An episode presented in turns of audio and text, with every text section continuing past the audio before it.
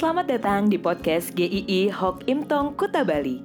Penginjil Ray Reginaldi akan membagikan renungan harian singkat untuk membawa Anda mengenal dan menyembah Tuhan Yesus, bertumbuh dan menjadi murid Kristus, serta berdampak untuk banyak orang. Jika Anda merasa diberkati melalui renungan ini, silahkan bagikan podcast ini agar orang lain juga diberkati. Inilah renungan hari ini.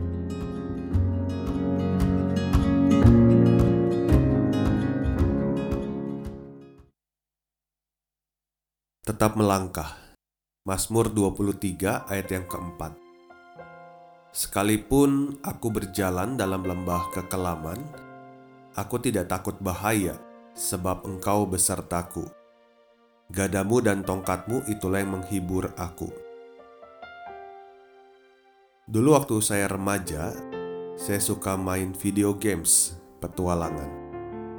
Di awal-awal permainan, kita biasanya melewati tahap-tahap yang mudah.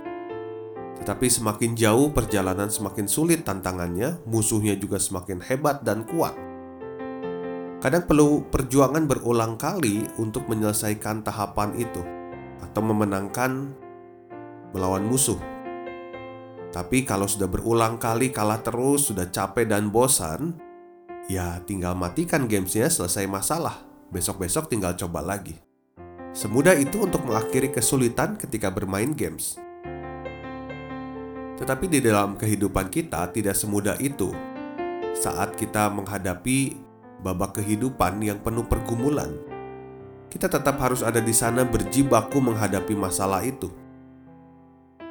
Ketika orang ada di dalam pergumulan yang berat, biasanya bisa muncul beberapa respon.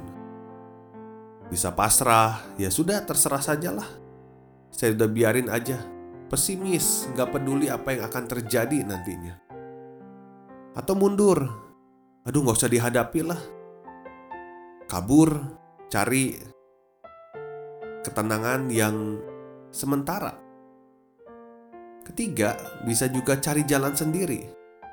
Melihat kenyataan ketika sudah hidup dengan benar tapi ada kesulitan, maka berpikir percuma jalan jujur di hadapan Tuhan, mendingan pakai cara-cara licik saja.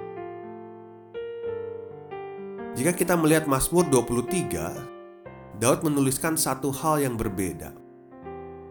Sekalipun aku berjalan dalam lembah kekelaman, aku tidak takut bahaya, sebab engkau besertaku.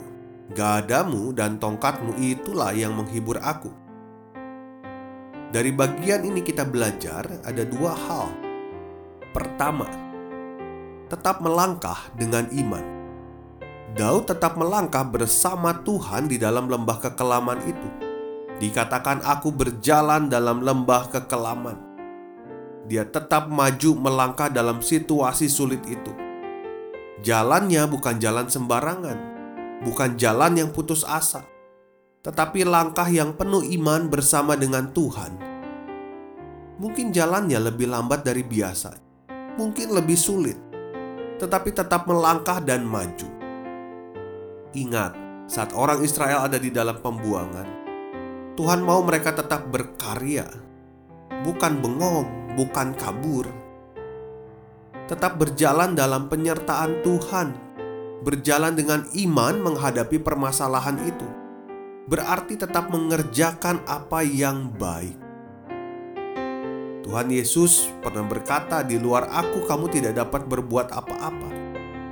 Iya, karya Kristus yang membawa kita kepada persekutuan yang abadi dengan Tuhan. Sekali kita anaknya, tidak sekalipun Tuhan akan melepaskan tangan kita. Maka kita perlu tetap melangkah di dalam pergumulan kita bersama dengan Tuhan, mengandalkan Tuhan, berpaut pada Tuhan. Maka tetaplah berjalan sekalipun tidak mudah, tetapi percaya kepada Tuhan, sumber dari hidup kita. Jangan menjauh cari jalan sendiri, kita akan semakin terjebak. Kerjakan apa yang bisa kita kerjakan dengan baik, dengan bersandar pada Tuhan. Kedua, di dalam pergumulan yang berat, kita akan mengalami Tuhan dalam level yang berbeda. Orang sering kali mengatakan kalau ada di dalam permasalahan, seseorang itu bisa bitter, kepahitan, atau better, lebih baik hidupnya.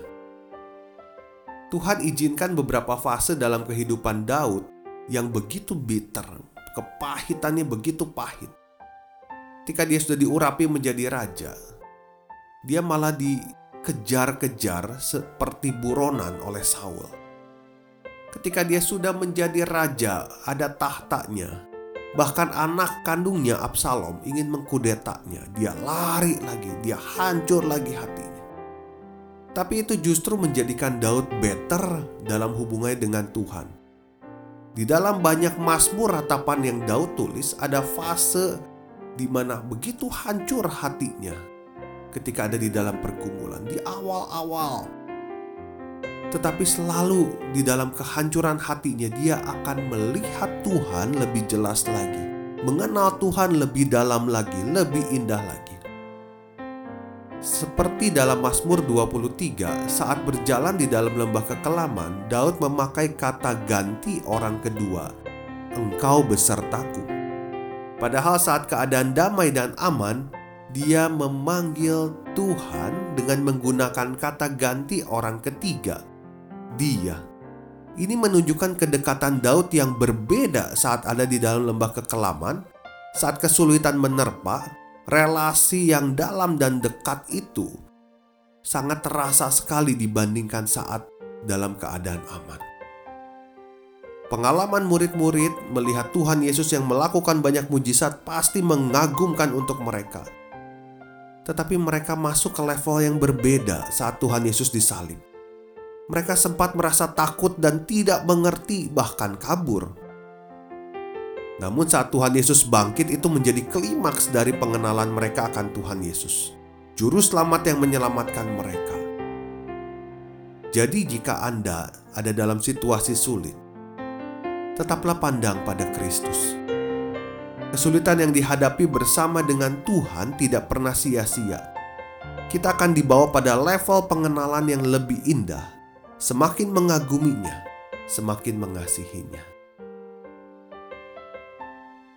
Besok kita akan masuk dalam satu tema jangan mendua. Seperti apa itu? Nantikan dalam episode selanjutnya. Tuhan memberkati.